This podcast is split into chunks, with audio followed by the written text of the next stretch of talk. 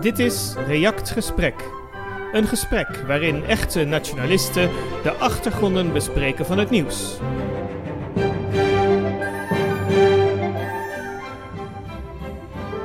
Buiten is het 14 graden. Binnen zit Sjors Remmerswaal.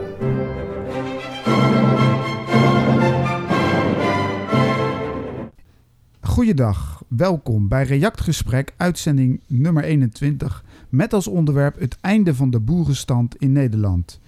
Reactgesprek is het gespreksprogramma van reactnieuws.net, waarin onze schrijvers en gasten met elkaar praten en discussiëren over brandende onderwerpen van de actualiteit. Deze keer met wederom een aantal uh, mooie gasten. Joost Stopterduinen, podcaster via europodcast.com. Reinhard Eekhout, voorzitter IDNL www.idnl.org. Alexander Wolfhezen, traditionalistisch schrijver via gloze.com, laatste boeken Rupes Nikra en Alba Rosa. En Faust Lanzer, uitgever Dietse Bezuin, te vinden via YouTube. Nou, zoals ik al zei, het einde van de boerenstand in Nederland is het, is het onderwerp. Nou, we hebben gezien dat uh, vanaf, uh, of om begin oktober 2019 werd voor een groot publiek duidelijk dat er onder de Nederlandse boeren grote onvrede is over de beleidskeuzes van het liberale regime.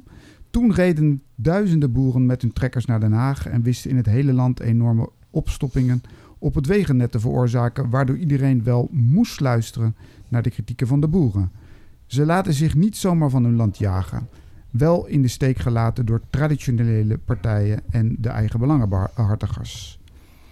De afgelopen weken leidden de protesten opnieuw op toen minister Christina van der Wal de nieuwe stikstofplannen naar voren bracht, die de stikstofuitstoot met 70% zouden moeten terugbrengen over maar liefst 131 gebieden vlakbij naar wat men noemt de kwetsbare natuur, met grote gevolgen voor de boeren en de boerderijen.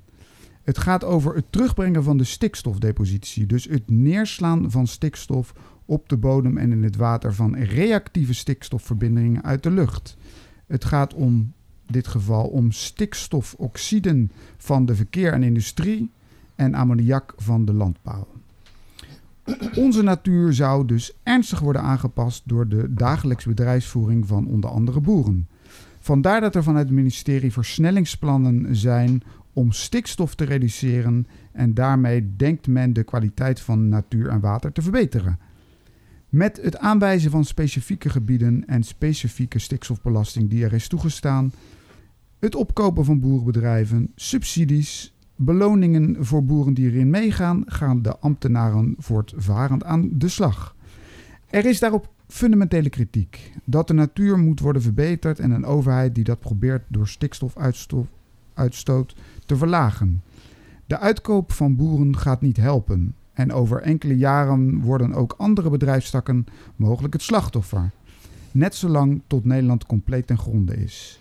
Er zijn immers geleerden die zeggen: als alle mensen en bedrijven uit Nederland weg zijn, dat nog steeds de stikstofuitstoot te, hoog, te groot is door wat uit het buitenland komt overwaaien naar ons land. Ik ga met onze gasten van vandaag bespreken hoe zij de ontwikkelingen zien en of er, toekomst, of er in de toekomst nog ruimte zal zijn voor het boerenbedrijf in Nederland. Reinoud, um, jij wilde iets vertellen over de wettelijke toestand uh, van de plannen van, uh, van het regime. Ja, dat uh, gaat over um, twee wettelijke invalshoeken eigenlijk. We hebben al natuurlijk wetten die onteigening van land mogelijk maken. Bijvoorbeeld voor een viaduct of als dat per se aangelegd moet worden. Maar er is die wet die kan pas worden toegepast in een bepaalde constellatie.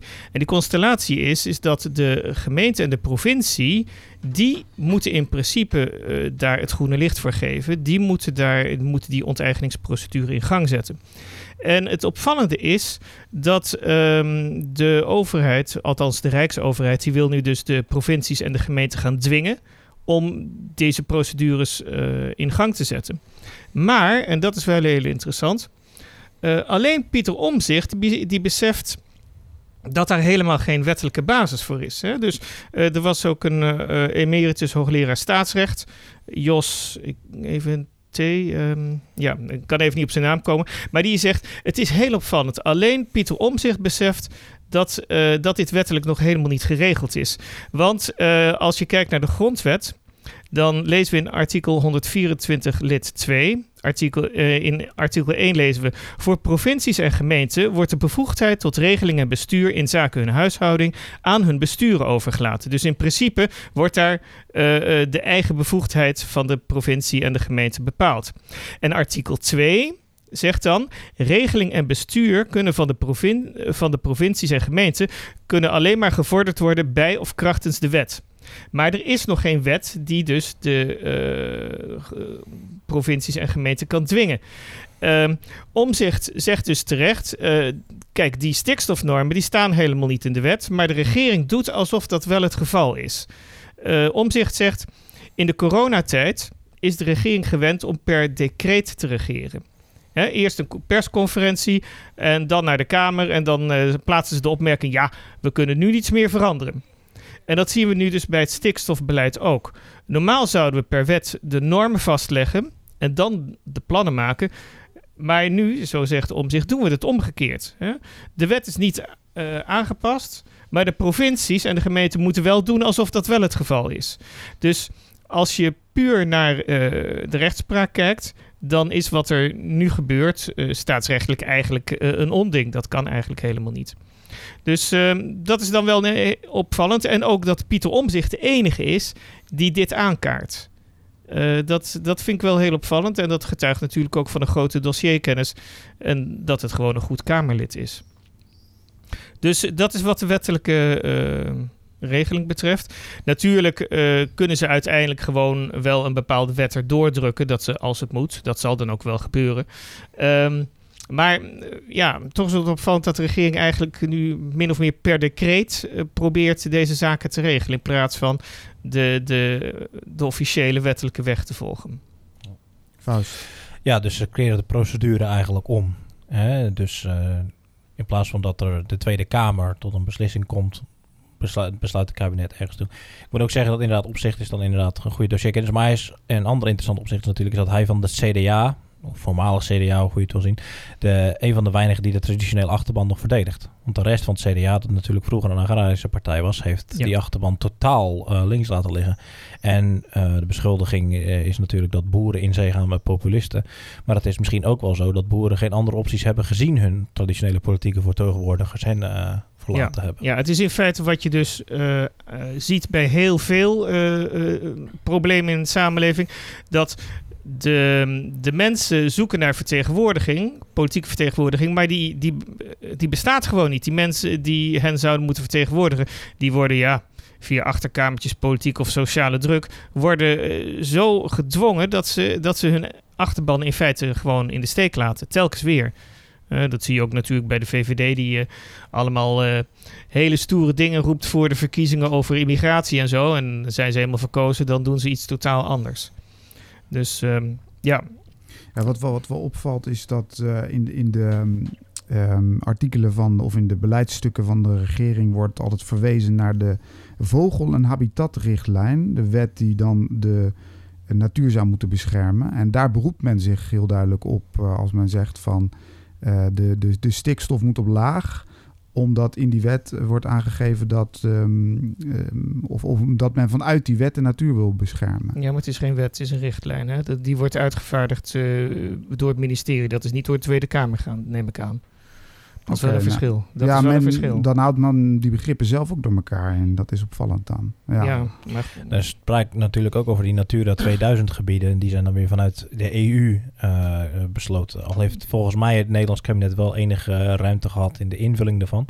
Ja. Maar dat is ook uh, een recentere trend van allemaal nieuwe uh, natuurzonnetjes overal in Nederland ja, ja. uitroepen. En hier nog in het verlengde ervan heb ik nog een punt te maken over uh, de geplande uh, uh, uitbreiding van Ter Apel. Het uh, asielopvangcentrum richting uh, uh, Flevoland, of althans Noordoostpolder. Dat is heel interessant. De gemeenteraadleden in de gemeente Noordoostpolder zeggen tegen Omroep Friesland dat de commissaris van de Koning, Leen Verbeek van de PvdA, hen heeft gechanteerd door de komst van het uh, asielopvang te koppelen aan de Lelylijn. De Lelylijn is dus een, uh, een treinverbinding die ehm, ja, een korte treinverbinding tussen Friesland en de Randstad. En Verbeek zei tijdens een besloten vergadering op 25 april dat deze twee dingen gekoppeld waren. Want ja, de lobby die, die ze aan het voeren waren voor deze spoorverbinding, die zou in gevaar komen als men niet instemde met het vinden van nieuwe opvangcapaciteit. Dus je ziet, hè, dus de, dat speelt volgens mij sowieso op de achtergrond, de hele asielproblematiek. Hè, daarom moeten, hebben we land nodig voor huizen en moeten dus de boeren onteigend worden. Dan zie je dat dat op allerlei manieren als een soort um, uh, octopus zich indringt in de, in de gemeenteraad, in de provinciale staten, dat die motivatie uh, gaat meespelen. En daarin uh, op aansluit. Het is ook heel interessant dat er een aantal boeren zijn geweest, iets van 100, die hebben dus um, Ter Apel geblokkeerd, geloof ik. Hè? Dus die snappen wat het verband is. Die snappen dat we dat land nodig hebben. Dat, het gaat helemaal niet om de stikstof volgens mij. Dat is, een, dat is gewoon een smoes. Nee, het gaat erom dat we het land nodig hebben om huizen te bouwen voor asielprofiteurs, noem ik het maar even. En verder, ja, je kunt het vanuit allerlei uh, hoeken uh, bekijken. Hè? Um, het is niet alleen de Nederlandse overheid die de agrarische sector met 30% wil verminderen. Uh, ook de Britse regering is daarmee bezig. Hè? Die bepaalt, betaalt boeren om met pensioen te gaan. Dus het interessante is dat ehm, nu wij eigenlijk richting een voedselcrisis gaan in verband met de oorlog in Oekraïne ehm, dat wij eigenlijk bezig zijn zelf een soort voedselcrisis uh, op termijn te veroorzaken. Dus op een gegeven moment uh, ja, denk ik dat er echt wel tekorten zullen komen.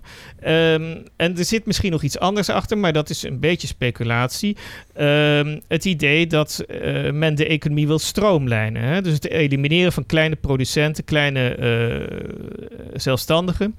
Dat is natuurlijk al met COVID al in belangrijke mate gebeurd. Er zijn heel veel uh, kleine zaken over de kop gegaan.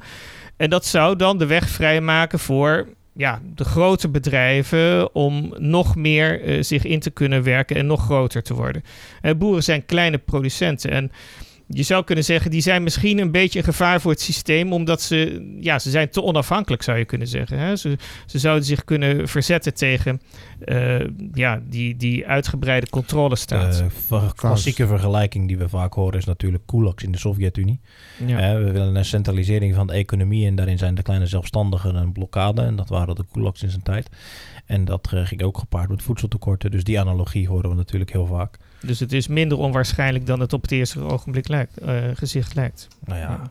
Nou ja, we, we proberen aan, te achterhalen wat er allemaal achter deze plannen zit. Want volgens mij is uh, stikstof een mooie aanleiding. Maar uh, gaat het echt om een omvorming die uh, veel breder is dan uh, alleen maar uh, ja, het terugbrengen van de stikstof. Nee, ik wil niet zeggen dat ik daar een technische expertise, die horen we zo meteen misschien erover. Ja. Technische expertise. Maar goed. Um, Meer intelligent dan wat wij kunnen brengen. Het, het feit is natuurlijk dat dit een crisis die alleen in Nederland speelt, om een of andere reden. Um, mm. Er is ook wel enige sprake van een reductie van uh, de boerenstand in België, ook in verband met de stikstof. Maar het is niet een probleem dat bijvoorbeeld in Frankrijk of Duitsland of Engeland speelt waar natuurlijk ook grote boerenindustrieën zijn. Dus het argument dat dit opeens op een of andere manier een enorme crisis is die exclusief in Nederland speelt, is natuurlijk zwak. Uh, en dat lijkt natuurlijk inderdaad veel duidelijker een urbanisatieprogramma achter te zitten. Ja, waarbij wij misschien een beetje voorop lopen. Nederland-gidsland zou je bijna zeggen. Hè? Maar dan op een hele vervelende manier.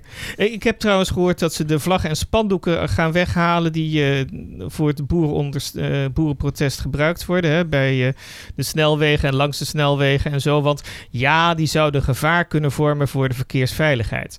Dat is natuurlijk een uh, ja, perfecte smoes, zeg maar. Hè. Maar ik heb ook al gehoord dat mensen dan zeggen... nou ja, dan uh, ga je gewoon met de verf aan de slag... en dan uh, schilder je gewoon een omgekeerde Nederlandse vlag. Die kan niet wegwaaien, dus... dus ja, daar kun je een viaduct prima voor gebruiken. Hè? Ik bedoel, al die graffiti en zo, die wordt ook daar neergezet. Dus ik dacht zo van, ah, eigenlijk wel een goed idee. Ja, ik, heb, ik kan nog iets heel algemeens zeggen over... Ehm, de aanpak van het boerenprotest. Hmm. Um, ik las eh, een commentaar en die zeiden van, eh, en die man die zei van ja, kijk, die vergeleken met het protest van de Canadese vrachtwagenchauffeurs. Hè? Dus op eh, die, die hele column die op een gegeven moment naar de hoofdstad reed. Ehm, en hij zegt, ja, het is allemaal heel goed en wel dat je gaat protesteren. En dat ziet er dramatisch uit en het ziet er cool uit. En eh, die mensen komen samen bij de overheidsgebouwen. Allemaal heel mooi. Hè? Ook de, de, de, het protest bij het Capitool op 6 januari. Maar ja, wat doe je dan als je er eenmaal bent? Ik bedoel, dat, bij dat kapitool was dat zo mooi. Ja, ze, ze dringen dan dat gebouw binnen. eh, een beetje geholpen, een beetje van, van zichzelf. En wat gaan ze dan doen? Ja, dan gaan ze een beetje door het gebouw dwalen. En, en ja, ze, ze hadden geen idee wat ze eigenlijk eh, moesten doen. En eh, deze commentator zei, ja, het is een beetje revolutie spelen. Het is een beetje larpen eigenlijk. Dus ehm, ja, we, we hebben natuurlijk een, een idee dat, dat de overheid naar je zal luisteren. Hè? We, we hebben het idee dat we leven in een, in een democratie.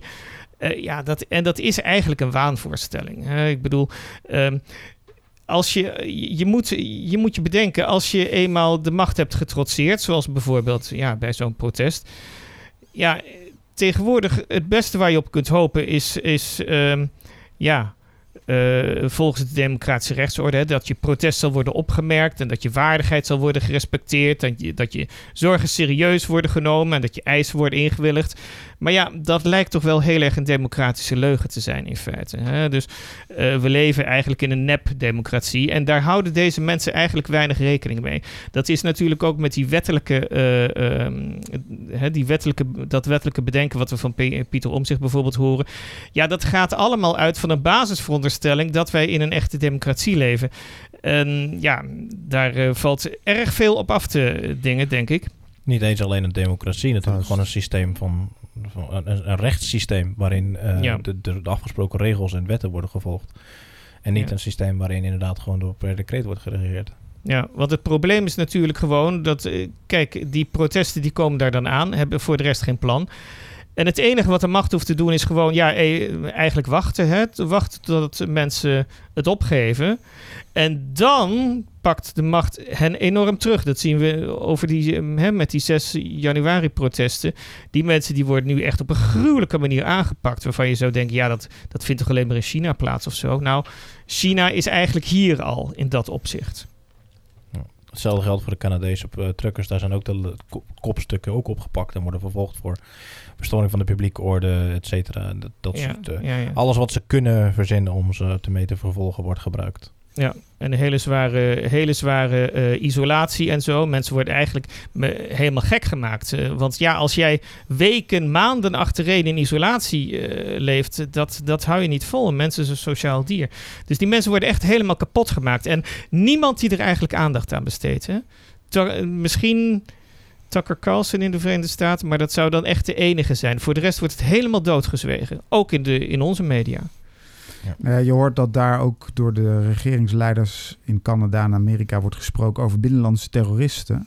Ja. Dus dan eh, ga je er natuurlijk vanuit dat die ook eenzelfde soort behandeling gaan krijgen als eh, ze met buitenlandse terroristen doen. ja. Dus, en dat blijkt dan dus ook echt zo te zijn, want eh, mij was daar zelf inderdaad ook niet zoveel over bekend. Ja, nee, dat, eh, ik weet niet of ze al eh, aan waterboarding doen, maar eh, het zou me niks verbazen eigenlijk.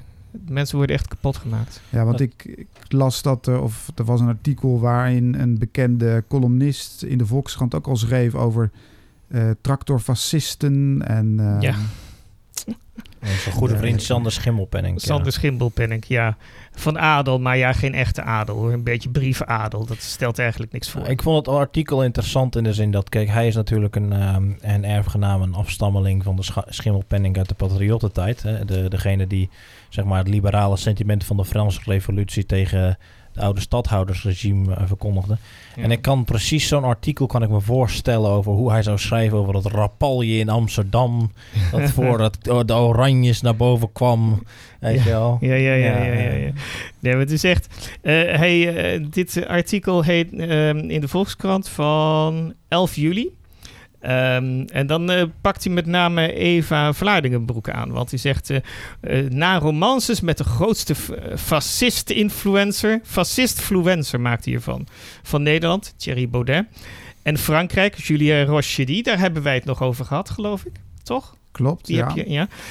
Is de pas 25-jarige Eva Vlaardingenbroek nu de verloofde van Will Witt, een populaire conservatieve vlogger in Amerika? Wat beweert hij in dat artikel? En ehm, Nou ja, ze Ja. zegt ja, ze komt dan op die, eh, die show van Tucker Carlson bij, van Fox News. mhm. En eh, ja, daar trakteert ze de kijkers op een stortvloed aan leugens over de stikstofcrisis. Met als uitsmijter dat Nederland een communistische dictatuur is. Nou ja, heel ver van de waarheid eh, zal het niet zijn, zou ik zeggen. Ehm, de carrière van Vlaardingbroek laat zien hoe extreem rechts van lullige Janmaatzaaltjes is gegroeid naar een internationale franchise met volop uitwisseling en een zekere glamour voor wie geen last heeft van smaak. Hij, hij eh, denkt natuurlijk zelf dat hij heel erg veel smaak heeft vanwege zijn achternaam. Maar goed. Ehm, en hij zegt ook van ja, extreem rechts maakt zich zo druk over globalisme, maar niets is er geglobaliseerd als extreem rechts. Complottheorieën gaan altijd over het World Economic Forum. Ehm, het gaat altijd over ehm, ehm, de, de, de Amerikaanse miljardairs en een zekere meneer Schwab. En hij zegt, ja, maar het liberalisme, dat is niet geglobaliseerd. Hij zegt, dat wordt overal anders uitgelegd. Nou, Ja. ik weet het niet precies hoor, maar dat neoliberalisme, dat, eh, van, dat neoliberalisme, dat eh, is volgens mij altijd hetzelfde. Ja, one size fits all. ehm. Maar jij, jij denkt dat inderdaad, Fausti, jij denkt dat zo'n schimmelpennik praat namens een eh, soort gedeelte van de geradicaliseerde. eh, Ik denk dat elite. eh, het sentiment wel vertegenwoordigt van de gegoede burgerij en de bovenklasse, inderdaad. Ja. Nou, ik moet ik zeggen dat ik het ook wel enigszins terechte kritiek vind in dat de nationalistische bewegingen van de wereld veel te vaak op internationale thema's inspelen. Maar goed. Ehm, ja, kijk, hij zou ook niet zo'n column in de Volkskrant krijgen. Ik bedoel, de Volkskrant heeft misschien dan maar 400.000 abonnees en, en dalende. Hmm. Maar dat is natuurlijk wel een bepaald segment van de bevolking dat de Volkskrant leest. En eh, ja, ik denk dat hij wel redelijk het sentiment daar vertegenwoordigt. Want ook van de mensen die ik ken, die in dat soort omgevingen rondgaan, is er geen enkel begrip, nul begrip voor de bo- de boeren. Die boeren moeten niet zo moeilijk doen, die moeten meewerken aan het hele project. En eh, dat is allemaal in het belang voor, van het milieu en zo. En eh, die stellen geen enkele kritische vraag. Ja, daarover. en zij, zij komen er niet op de gedachte zo van... goh, 100.000 zogenaamde nieuwe Nederlanders per jaar... dat is heel goed voor het milieu of zo. Nou ja, als ze die cijfers al kennen, dan, eh, eh, ja, dan, dan hebben ze daar allemaal van de rationalisaties over. Ja, maar dat is nodig voor de economie en eh, de integreerde wel. En, eh, bla, bla, Ja, bla, en dan, dan kun je natuurlijk ook een rapport overleggen... wat dat allemaal gekost heeft, die immigratie. ja, maar dat zou racistisch zijn. En dat Oh, oké, goed. willen, nou, dat gaan we dan niet willen. Nee, nee, Ja. nee. Maar hij, hij klaagt dus over het internationale fascisme. Want eh, dat is eenvormig en geglobaliseerd. Want het zijn altijd dezelfde onderwerpen. Immigratie. Oh, hij noemt het migratie. Migratie en klimaat. Ja. Vind je het gek? Het speelt natuurlijk ook gewoon globaal. Wat, wat, wat zeurt hij nou, zeg maar? Hè? Ik bedoel, eh, het zogenaamde liberalisme, ik noem het dan nep-liberalisme... dat heeft het natuurlijk de hele tijd ook over immigratie en over eh, het klimaat. Oh ja, en heeft hij het dan over onze eigen Tucker Carlson. Dat zou dan Wiert Duk zijn. en die, eh, die, die had gezegd zo van... Ja, de boeren zijn frontsoldaten in het conflict... tussen de grondgebonden sam somewheres en de welvarende anywheres. Hè, die de rest van de samenleving zijn. En dan krijgen we natuurlijk deze link. Hè, ja, natuurlijk. Hè, de, de, de, de, de nazi's en de communisten... die hadden het ook over de heimatlozen... Als, eh, of eh, re- cosmopolieten... als het hadden over de joden. Hè. Altijd moet dat er maar weer bij ge- gesleept Ik moet worden. zeggen dat als er iemand dat waarschijnlijk niet met antisemitische bijbedoelingen zei, dan zal het wel weer Duk zijn geweest. Want die, die, die, die denkt niet in die termen. Nee, Maar nee goed. dat is dus. Maar het is, het is dus. Ja, hoeveel, hoeveel paragrafen kun je in een artikel zijn voordat ze weer aankomen met de Holocaust? Hè? Ik bedoel, dat is echt tegenwoordig. eh, kun je. Ja, vier, vijf paragrafen en dan gaat het weer over Hitler en zo. Dus eh, merkwaardig, merkwaardig. En dan heeft hij het ook over zo van ja, die agressieve borden en spandoeken langs onze snelwegen.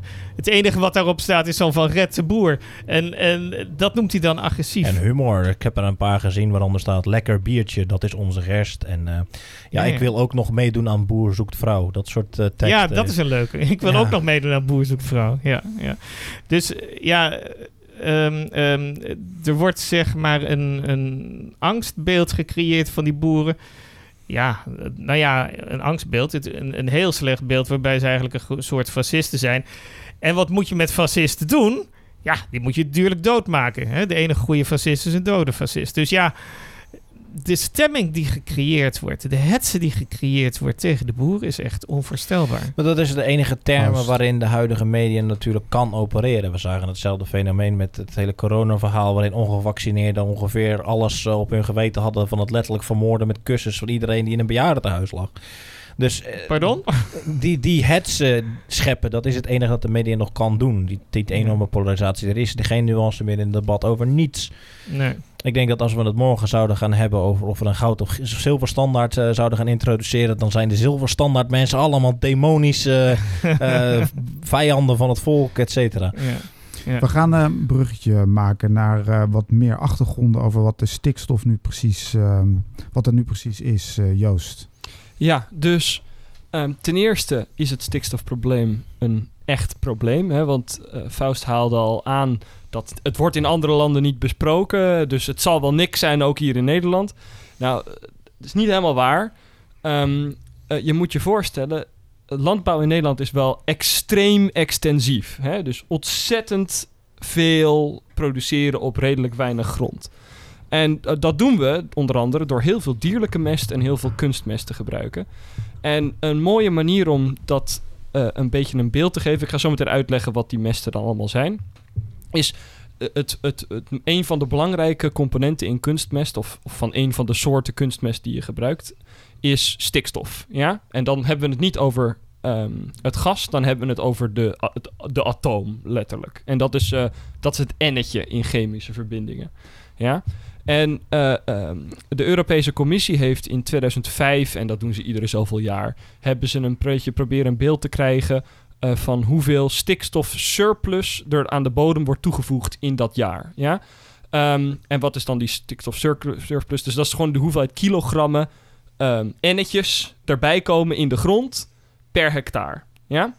En ehm, eh, eh, die stikstof die wordt dan ook wel weer verwerkt. Hè? Maar als jij er sneller spul in stopt dan dat de natuur er weer uit kan halen, dan gaat de concentratie in de bodem omhoog. Dus heel simpel. Oké, nou, bijna heel Europa heeft een surplus. Ja? Maar ehm, eh, Spanje of eh, ehm, Spanje of eh, stukken van Frankrijk, die hebben dan maar een surplus van 10 à 20 kilogram per hectare. En in de meer, meer agricultureel intensieve gebieden hebben we het misschien over 30 à 40 kilogram per hectare. Ja. Duitsland en Tsjechië en Ierland die zitten dan tussen de 40 en de 80 kilogram per hectare. België trouwens ook. Maar Nederland zit voor het merendeel van Nederland voorbij de 150 kilogram per hectare. Ja? Dus wij doen in, in, in één jaar voegen we aan surplus aan onze bodem toe. Wat eh, in, in, laten we zeggen, Duitsland, bij wijze van spreken, twee à drie jaar zou kosten. Dan, dan, dat verklaart wel waarom het hier wat sneller tot een bepaalde eh, gevolgen is gekomen. Ja, ga gang. uit. Daar moet je dan wel natuurlijk bij betrekken dat Nederland heel intensief bebouwd is ook. Hè? Dus eh, eh, we leven met heel veel mensen op een heel klein stukje eh, aarde. En we hebben geen compensatie van bijvoorbeeld grote natuurgebieden zoals Frankrijk. Dat is natuurlijk toch, geeft wel een vertekend beeld, lijkt mij. Nou, niet echt, want we hebben het hier over per hectare. Dus, dus, dus als je de... Ik kan je het kaartje zo meteen laten zien. Ja, nee, dat snap ik. Da- maar dat betekent, kijk, het kan best zijn dat het op papier dan allemaal misschien niet zo erg is. Maar als je gewoon in de bodem kijkt, betekent dat dus wel dat je een veel groter, tussen aanhalingstekens, probleem hebt. En het zal me een worst wezen of er in Frankrijk een bos is dat helpt met het afwateren van, die, van dat stikstofoverlast. Hè? Eh, en daarom kunnen de boeren daar dan wel wat meer stikstof gebruiken. En dan mag dat misschien niet eerlijk zijn. Hè? Maar het, het gevolg blijft dat het gewoon inderdaad verzuurt. En we gaan zo meteen de letterlijke gevolgen daarvan even bespreken. Alweer, ik denk niet dat het zo'n imminente crisis is zoals het nu wordt besproken. Ja. Maar om het weg te wijven als een non-probleem, om te zeggen, ja, maar we hebben nou eenmaal meer bebouwing. Kijk, dat mag allemaal best wel zo zijn. Maar nou eenmaal meer bebouwing brengen, hebben, lost nog steeds het probleem niet op. Dan kun je wel zeggen, ja, maar het, eh, eh, eh, we, hebben niet de bossen om daarmee te compenseren. Dat lost het probleem nog steeds niet op. Kan je samenvatten wat de consequenties zijn van Ja. zoveel stikstof? Ja, dus die kunnen we dan. Laten we eerst even zeggen, wa- waar komt die stikstof dan vandaan? Ja, dus er zijn in feite twee bronnen van. eh, nou, een soort van drie bronnen van stikstof. De eerste is imperfecte verbranding van dingen. En imperfecte verbranding van dingen, zoals, in, zoals als je hout aan het verbranden bent of kolen aan het verbranden bent of zo. Daar zit dan ook nog altijd een beetje andere troep in dan alleen maar carbon. En dan, omdat je dat aan het verbranden bent, maak je dus ook stikstofoxide. En dan plak je dus zeg maar zuurstofatomen aan een stikstofatoom. En dat is wat er gebeurt ook als je koolstof aan het verbranden bent. En dan gaat dat de lucht in. En dat is hoe je NOx krijgt. Hè? NO2, NO weet ik veel wat. Dus dat is wat we uit voertuigen zo krijgen. Ja, Ja. ja. exact. Ehm, en dat is gewoon een, eh een naar gas dat je niet graag zoveel wil inademen. En de concentraties in de Nederlandse atmo- atmosfeer zijn hoger. En dat is dus gewoon niet zo gezond voor ons. Het is niet zo gezond voor de natuur eromheen, omdat als het regent, dan neem je wat van dat spul mee naar omlaag. En dan komt dat ook in de bodem terecht als een soort van zuur ammoniakachtig spul. Daar gaan we het wel over hebben. Zure regen. Dat is onder andere zure regen, ja.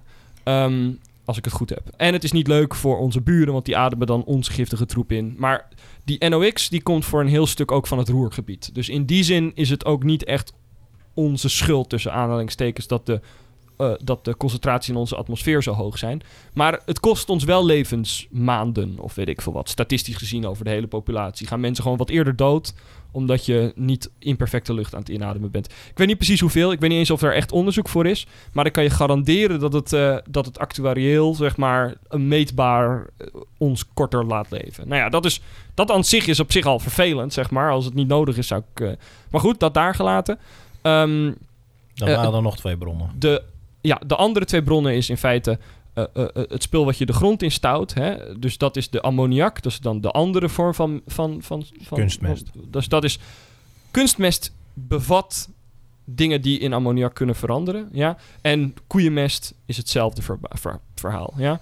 En dan compost, al die dingen vallen een beetje in dezelfde categorie. Maar het is een kwestie van stikstofdichtheid die bepaalt hoe groot een probleem het zal zijn. Als jij op je moestuintje een compostbak aanhoudt, dan is de stikstofdichtheid van het compost is soort van laag, net zoals bosgrond. Die is soort van niet zo heel erg hoog. En dat is soort van gezond. Als in, dat kun je oneindig op je moestuintje blijven gooien en dan gaat het systeem niet uit balans. En dan een koeienvlaai, die is op de locatie een probleem. Maar omdat die op, als je gewoon koeien aan het grazen hebt op een grasveld, dan is er maar een koeienvlaai iedere zoveel meter, bij wijze van spreken. Dus dat spreidt uit en over dat hele ding uit is het dan geen probleem. Maar wat we doen, omdat we zoveel productie willen halen uit de beperkte hectares die we hebben, is we spuiten veel meer koeienvlaaien over een bodem uit dan wanneer de koeien er aan het grazen zouden zijn geweest. En daarbovenop gooien we dan nog kunstmest. Nou, hoe komen we aan al die koeienvlaaien? Nou, daar komen we onder andere aan omdat we koeien voeren van voedsel dat niet alleen in Nederland verbouwd is. Dus we importeren in feite de stikstof in de vorm van sojabonen en graan, voeren het aan de koeien en dan spuiten we de scheid van de koeien over onze akkers uit. Hè? Dus we importeren stikstof van over de hele wereld in de vorm van graan en, en spul dat we aan onze koeien geven. En we importeren stikstof in de vorm van letterlijke kunstmest uit on, on- nou ja, die maken we vaker in Nederland. Want dat maak je met, met aardgas of met waterstof, maar dan gebruiken we nu aardgas. En dat is een Duits proces, het Haber-Bosch-proces. Nou, dat gaan we niet helemaal uitleggen. Maar daar maak je ammoniak mee en dan met die ammoniak maak je dan kunstmest. Nou, en die, die dingen zijn allemaal bronnen van ammoniak. En dat is eigenlijk ehm, het meer voor de natuur, laten we dan zeggen, een probleem. In zover als dat een probleem is. Want de reden dat we dat spul in de grond spuiten, is omdat het ervoor zorgt dat dingen heel snel groeien. Maar alleen die dingen die goed om kunnen gaan met een bodem die heel rijk is aan stikstof, kunnen dan snel groeien. Hè? En dus ja, de planten die we over generaties heen hebben gefokt om daarmee om te kunnen gaan, die doen het goed. Brandnetels kunnen daar goed mee overweg. Grassen kunnen daar goed mee overweg. Hè? Maar ehm, eh, eh, Bomen? eh, ja, dat hangt dus af van de boom. Ehm, maar bodems worden dankzij die ammoniak ook een beetje zuurder. En als eh, bodems zuurder worden, dan nemen ze de ehm, mineralen die in die bodem zitten, die nemen ze. Die, die gaan dan verbinding aan met die zuren, hè, om, om, om, om, om te. eh, en dan worden het zouten. En die zouten lossen op in eh, het water en die stromen dan weg. Dus je verliest ook mineralen in je bodem door een zure bodem te hebben. En de combinatie van het verlies van mineralen en een zuurdere bodem zorgt ervoor dat planten die gewend zijn aan een redelijk nauwe marge van, van zeg maar bodemgesteldheid. Hè, en dan hebben we het bijvoorbeeld over eiken. Die, die functioneren zeg maar best wel breed, maar we zijn nu wel, eh, we zijn wel dat gebied uit aan het geraken op een boel plaatsen. En dat betekent dus dat eiken een soort van, die vinden dat niet fijn en die gaan dan langzamer groeien. Of het, eh, het zelfs in een goede droge periode of zo leggen ze het loodje, bij wijze van spreken. Heb het ook eh, Vast. gronderosie tot effect? Ehm, dat is. Een, nou, de gronderosie, voor zover als dat we gronderosie hebben, komt meer door andere dingen. Hè? Dus dat komt omdat boeren dan het, de akker ploegen en dan staat die droog en dan is er geen worteltje dat de grond bij elkaar houdt en dan waait er gewoon letterlijk grond weg, zeg maar. En ook door een hoop andere dingen verlies je dan water in de eh, gro- grond in de sloot en dan ka- kabbert het af. En bijvoorbeeld door dat mineralenverlies. Een hele hoop dingen, zeg maar. Gronderosie aan zich is al een complexer verhaal. Dat is in Nederland ook iets minder een probleem, want we hebben nog een hele laag vruchtbare topsoil. Dat dustbin, eh dust bowl effect is meer een VS-probleem dan een Europese probleem. Maar, ehm, nou goed, dus, dus dit is even het verhaal. En het is dus wel een soort van waar dat als we gewoon door blijven gaan met ieder jaar maar meer en meer stikstof in dat surplus gooien, dan wordt die bodem meer en meer ammoniak rijk. Kijk, uiteindelijk raak je wel een balans, hè, want je kunt niet, de bodem bestaat niet ooit uit pure ammoniak. Dat, dat, dat gebeurt natuurlijk niet. Maar eh, eh, eh, die balans betekent misschien dat er allemaal heel andere dingen moeten groeien in Nederland om Hmm. Ehm, om, om, omdat die het goed doen in die stikstofomstandigheid. Ja?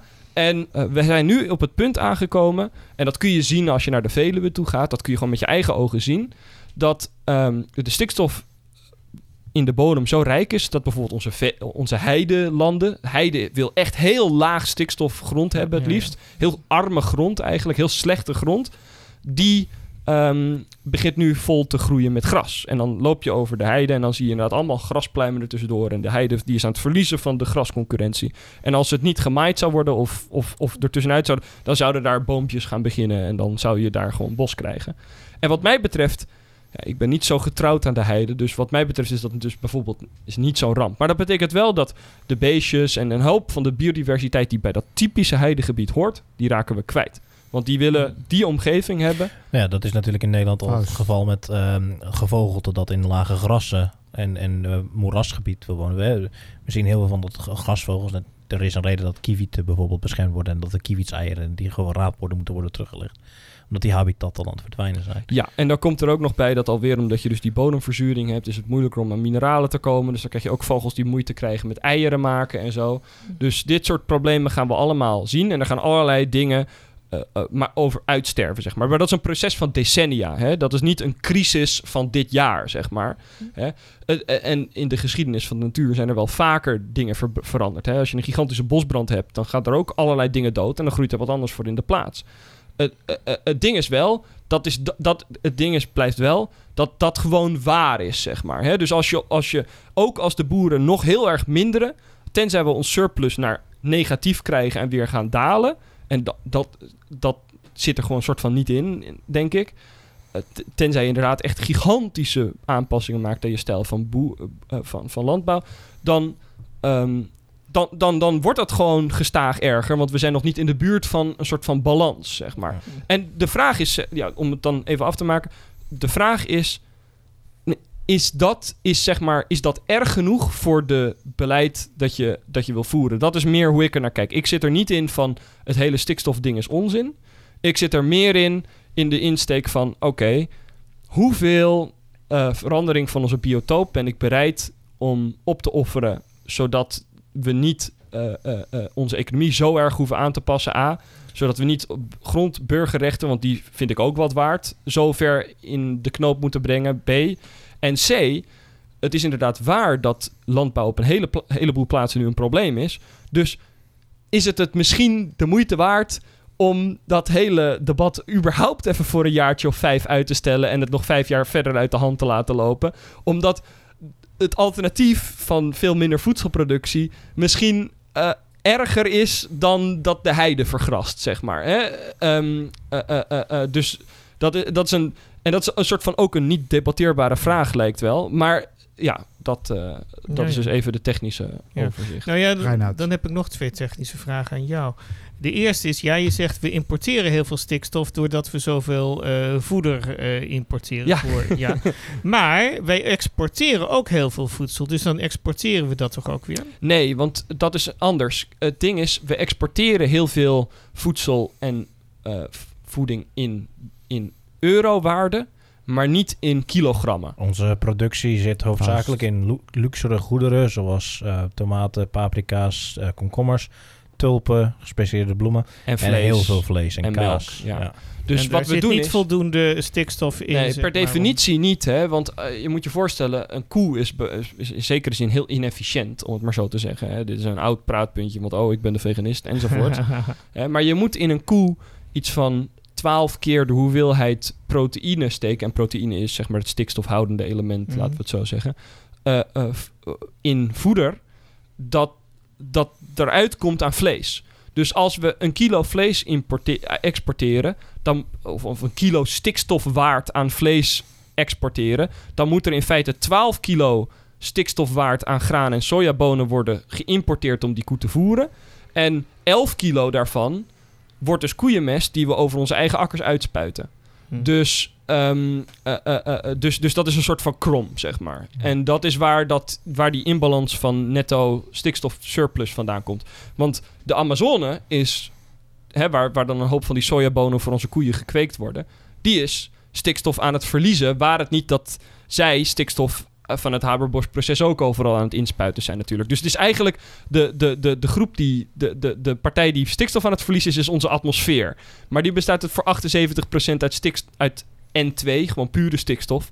Dus die kunnen we soort van, die kunnen we soort van niet eens leegtrekken. Dat, eh, dat, dat, dat, dat is een oneindige bron. Net zo goed als dat de oceanen een oneindige bron van water zijn in zekere zin. Oké, maar dan nog een vraag. Waar, kunnen wij dan die eh, mest niet beter exporteren in plaats van dat we ze hier in Nederland Nou, gebruiken? dat is natuurlijk een probleem dat we al enige jaren hebben. We hebben een melkmeer en een mestoverschot. dat speelt al een jaar of 30, 40. Dat we dat niet kunnen slijten aan anderen. Ja, want mest Waarom is ook... niet, vraag ik me Kost inefficiënt. Ja, ik bedoel, als, stel ik wil stikstof hebben, ja? Dan kan ik via een pijplijn x hoeveelheid kubieke meter methaan importeren. Daarmee chemisch het Haber-Bosch-proces doen.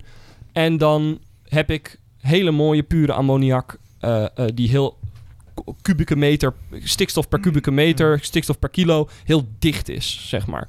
En dan giet ik dat in een tanker en dan rijd ik met die, met die tanker vol met eh spul rijd ik naar de fabriek waar De ik waar het kosten, de kosten om een containerschip te vullen met eh, gier en naar de Amazone te verschepen, dat, dat, dat betaalt zichzelf gewoon niet terug. Ja. Of, of er moeten dus enorme overheidsregelingen worden voor getroffen om dat te subsidiëren. Het is dus niet zo dat eh, doordat de prijs van de, ene, eh, van de fossiele brandstof omhoog gaat, dat dat nu aantrekkelijker aan te Nee, worden Nou juist ja. niet. Juist niet. De transportkosten worden hoger. Ja, Ah, ik geloof dat je Ja. iets... Ik zou het dus moeten uitrekenen, maar ik durf te wedden dat, dat, dat één tanker vol met, met, met methaan...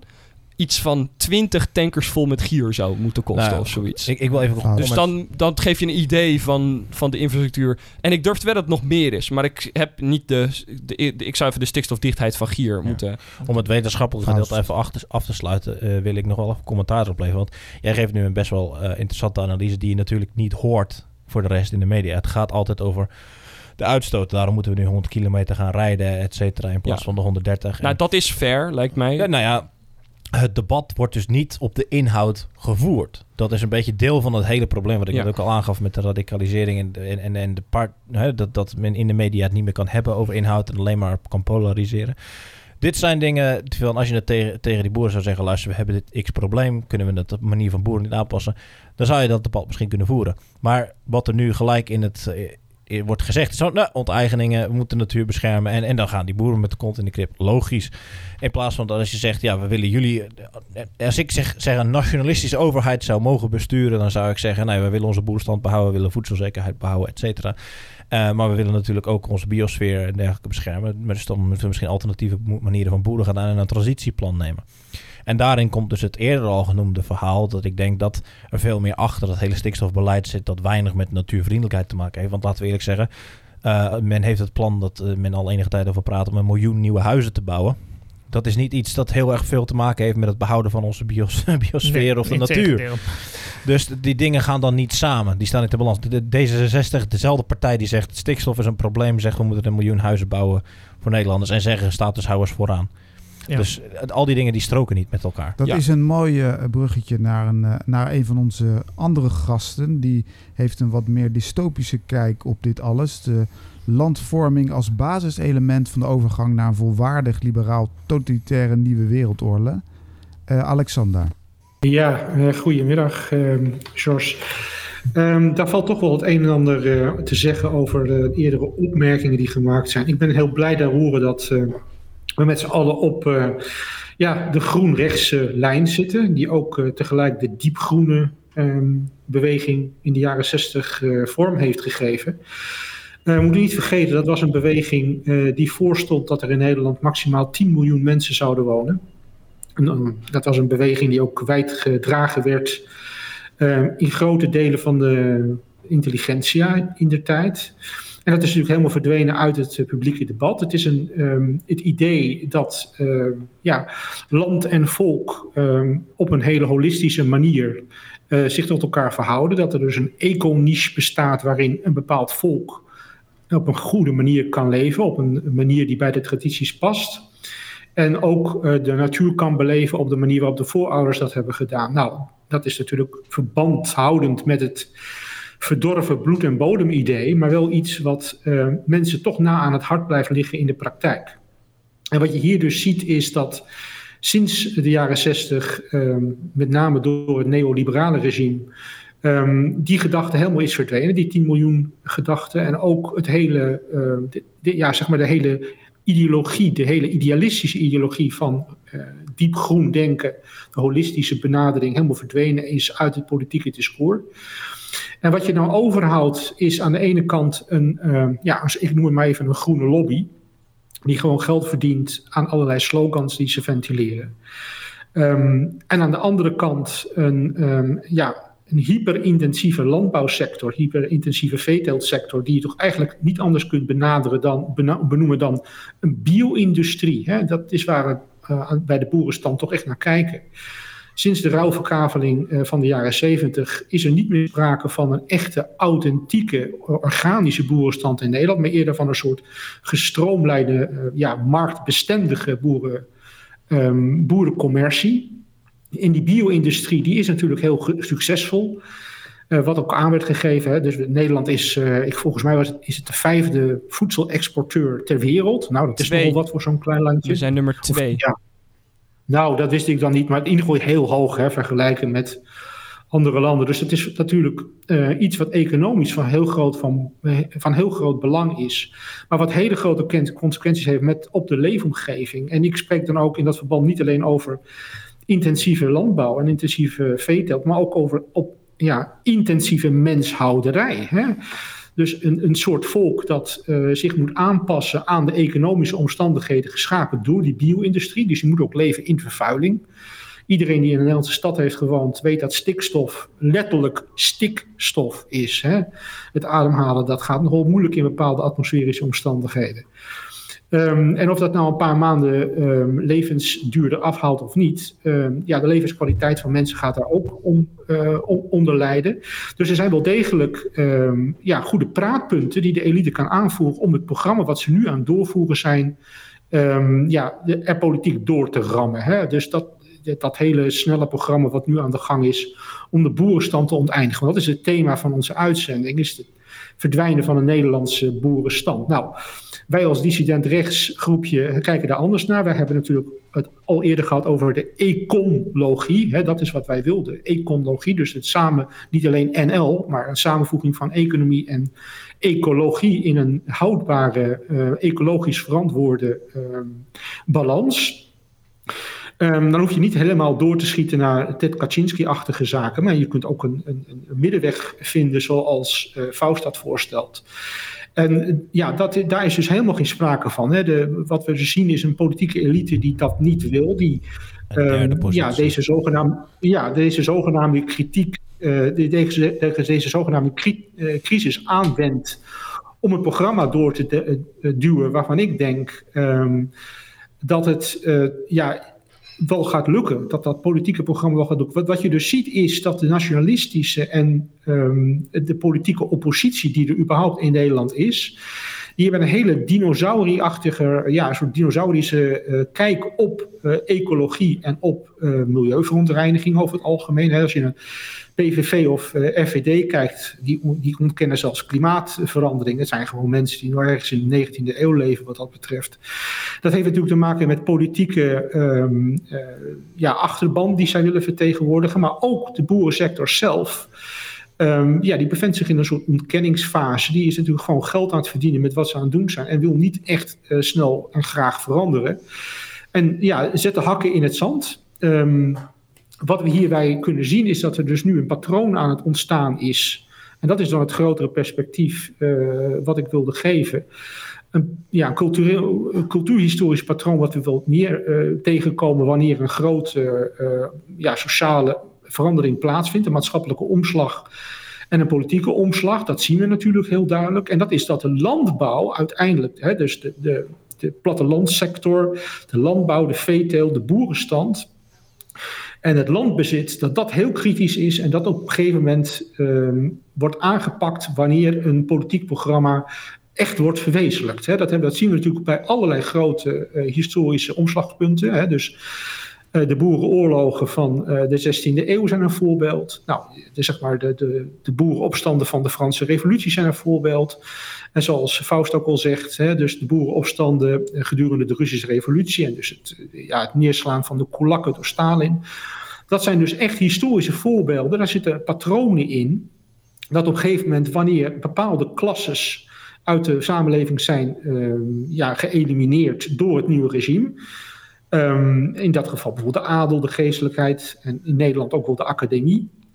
Als die zijn veranderd, uh, zijn verwijderd, dan is de boerensector uh, en de landbouwsector aan, aan de beurt. Dan worden zij um, uh, aangeslagen door het nieuwe regime. En wat je dus ziet is een salami-tactiek vanuit um, een hele goede, hele slimme salami-tactiek, vanuit het uh, nieuwe globalistisch, nihilistisch regime, noem ik het maar eventjes, hè, totalitair, liberaal kun je het ook wel noemen. Ze doen natuurlijk een, een, ja, een heers- en deel uh, spelletje met ons. En zij willen alles wat uh, ja, zeg maar nog een bepaalde mate van autonomie, economische en sociale autonomie heeft, beheersbaar maken en kapot maken. Dat is de middenstand geweest, MKB en de ZZP gedurende de coronamaatregelen. Hè, dus dat is een hele uh, slagpartij geweest in die sectoren. Nou, nu zijn de boeren en de vissers aan de, stand, aan de, aan de, aan de. En um, ja, wat je dus ziet is, uh, zij zijn eigenlijk een van de laatste bastions nog van wat je zou nu een overblijfsel van de Nederlandse samenleving oorspronkelijke ouderwetse Nederlandse samenleving, ook al is die door die uh, ja, zeg maar eerdere ruilverkaveling heel erg gestroomlijnd, dan toch is het nog een stuk conservatief, na natuurlijk conservatief Nederland. En dat, um, ja, wat daarna nog overblijft, is eigenlijk maar heel weinig. Hè? Dus ik, ik vrees ook voor de positie van de kroon, hè? dus van het Koningshuis. Op het moment dat je dus de boeren en de vissers uit uh, de Nederlandse politieke landschap weghaalt, dan blijft er maar heel weinig authentiek ondersteuning over voor traditionele instituties als het Koningshuis. Um, ja, en wat er dan overblijft als je dus die boerenstand nu helemaal weghaalt en dat vervangt door, ja, door zeg maar meer import-immigranten en een soort ja, bijna helemaal gerobotiseerde, um, uh, wat enigszins gestroomlijnde agrarische sector.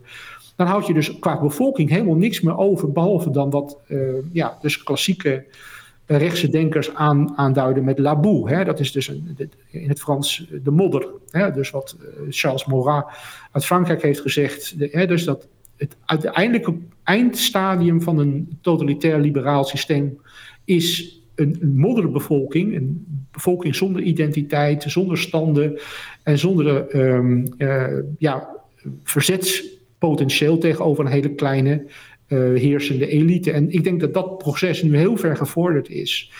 En dat uh, we nu ook kunnen spreken over een, uh, een, groter proces. Het is niet alleen in Nederland natuurlijk. Het is al door andere mensen al gezegd in deze uitzending. Er is natuurlijk een synchroniteit van deze uh, beweging over heel Europa, over het hele Westen. Tegelijkertijd, na de coronacrisis.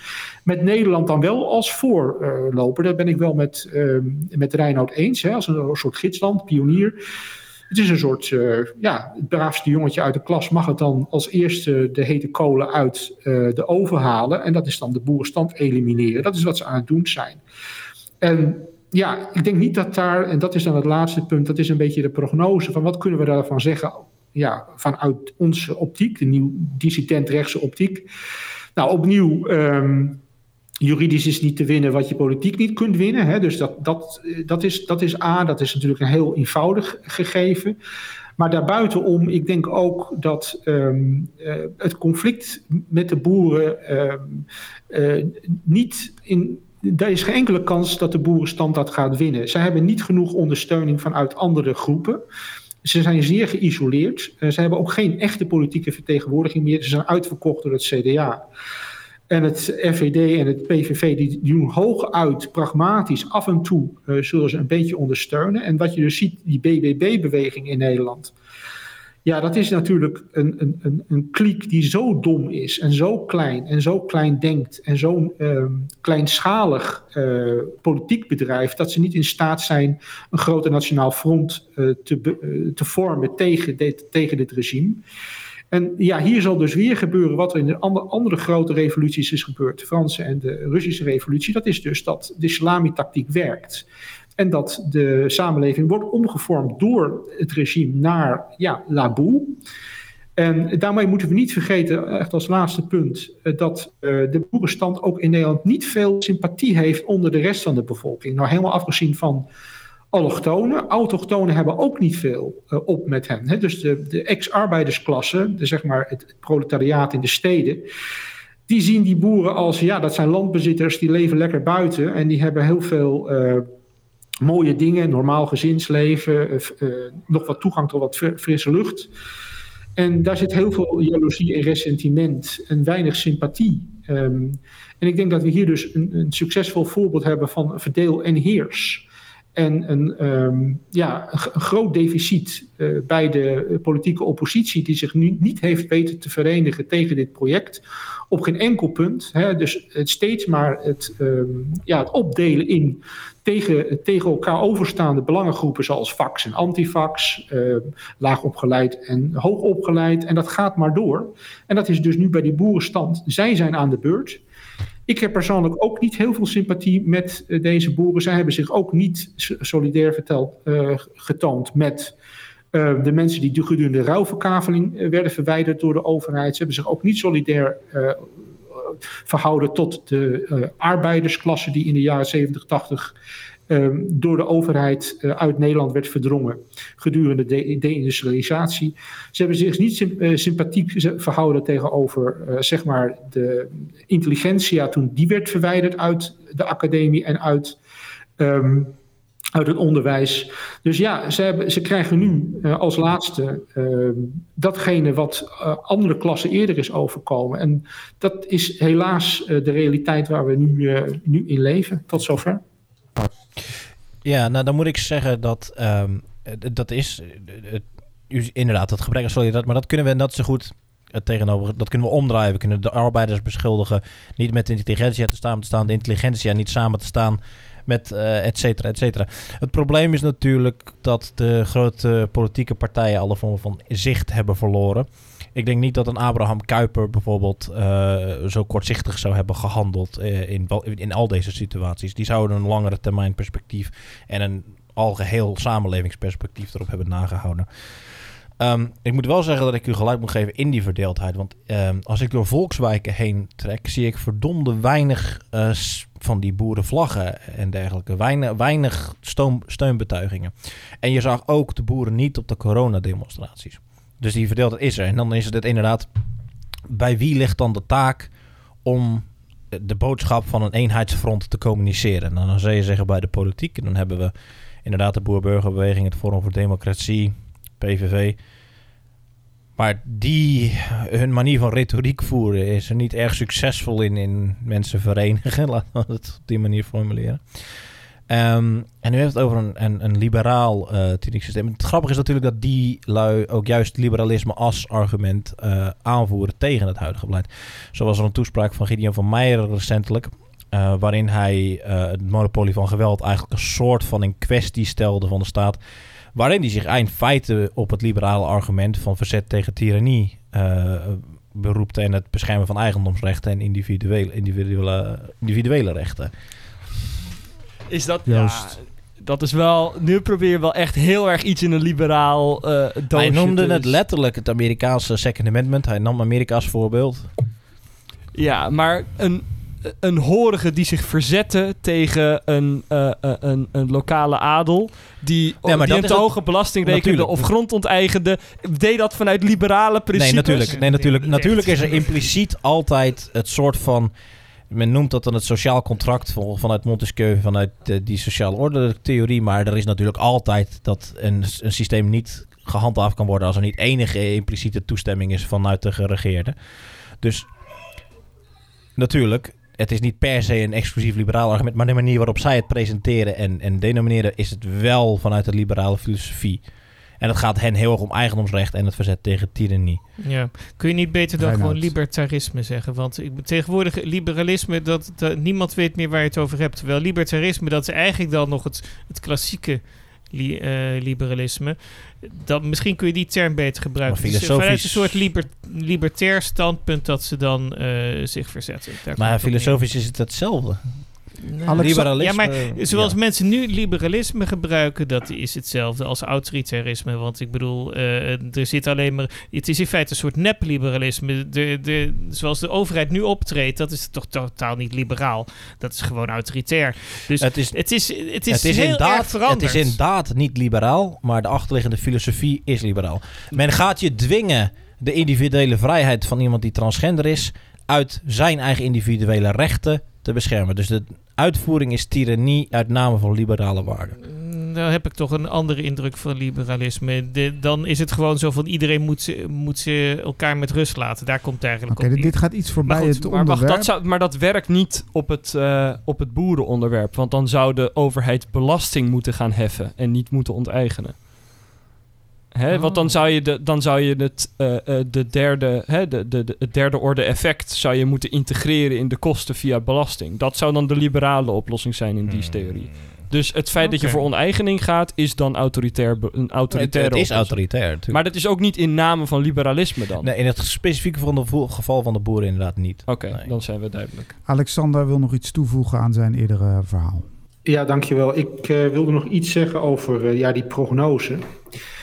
Um, kijk, het is natuurlijk tweeslachtig. Hè? Aan de ene kant uh, staan we nu op het punt waarop het regime zich uh, veilig, uh, veilig, genoeg voelt om de wortels van de natie, want dat zijn de boeren toch eigenlijk wel letterlijk, uit de grond te trekken.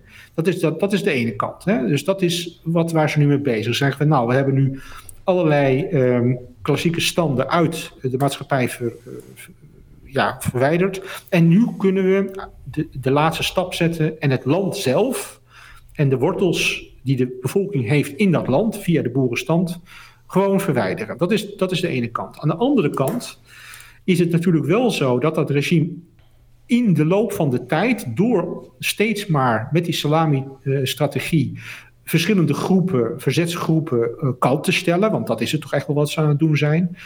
En door hele extreme uh, verhalen daarbij te trekken, dus propagandistisch uh, zeer overtrokken argumentaties, Um, daardoor zijn ze wel um, in een risicozone beland. Ik denk ook dat, dat je dat terugziet in, de, in zeg maar de repressieve reactie van de overheid. Hè, op de COVID-protestjes uh, en op de boerenprotesten. Daar wordt best wel hardhandig ingegrepen.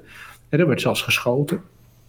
En ik denk dat we hier um, toch ook wel aan de andere kant een klein beetje positiviteit in kunnen zien. Want het proces is blijkbaar rond het rond aan het worden, is zich aan het, uh, ja, aan het voltooien. En wat je dan krijgt, is natuurlijk dat elke revolutie uiteindelijk zijn eigen kinderen opeet. Hè? En dat het instort onder het gewicht van uh, de eigen opgebouwde illusies. Hè? We hebben nu zoveel absurde, absurde verhalen over elkaar heen gezien. Hè? De BLM, uh, Nederlanders moesten dan uh, ook uh, instemmen met het, met het COVID-verhaal, met de vaccinatieverhalen, nu het vergroeningsverhaal, het stikstofverhaal.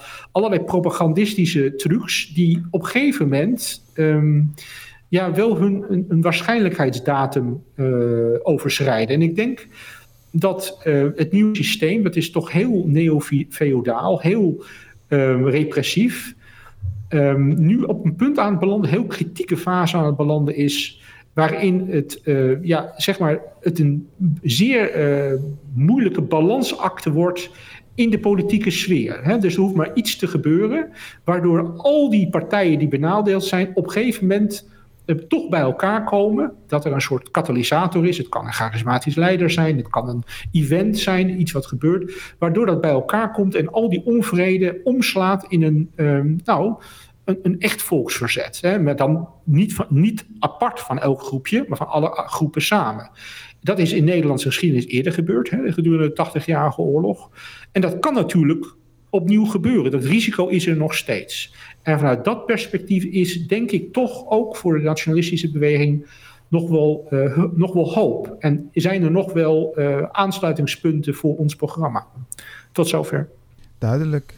U heeft uh, ja, thuis geluisterd naar een, een, korte uitleg over de stikstof, uh, naar de wettelijke toestand. We hebben gesproken over de toespraak van Gideon van Meijeren bij de boeren en over de overgang naar een volwaardig liberaal totalitaire nieuwe wereldorde. Ik wil de gasten hartelijk bedanken. Faust Lanser, Dietse Bazuin, Reinhard Eekhout, IDNL, Joost de Top der Duinen, Europodcast.com en Alexander Wolfhezen, uh, traditionalistisch schrijver. En u heeft geluisterd naar Reactgesprek, uitzending nummer 21, met als titel Het einde van de boerenstand in Nederland. En mag ik iedereen er nog aan herinneren dat de IJzerwaken eind augustus is en dat ze een nieuw evenement hebben met de Frontnacht. En ik je iedere luisteraar wil aanmoedigen om uh, ook aanwezig te zijn.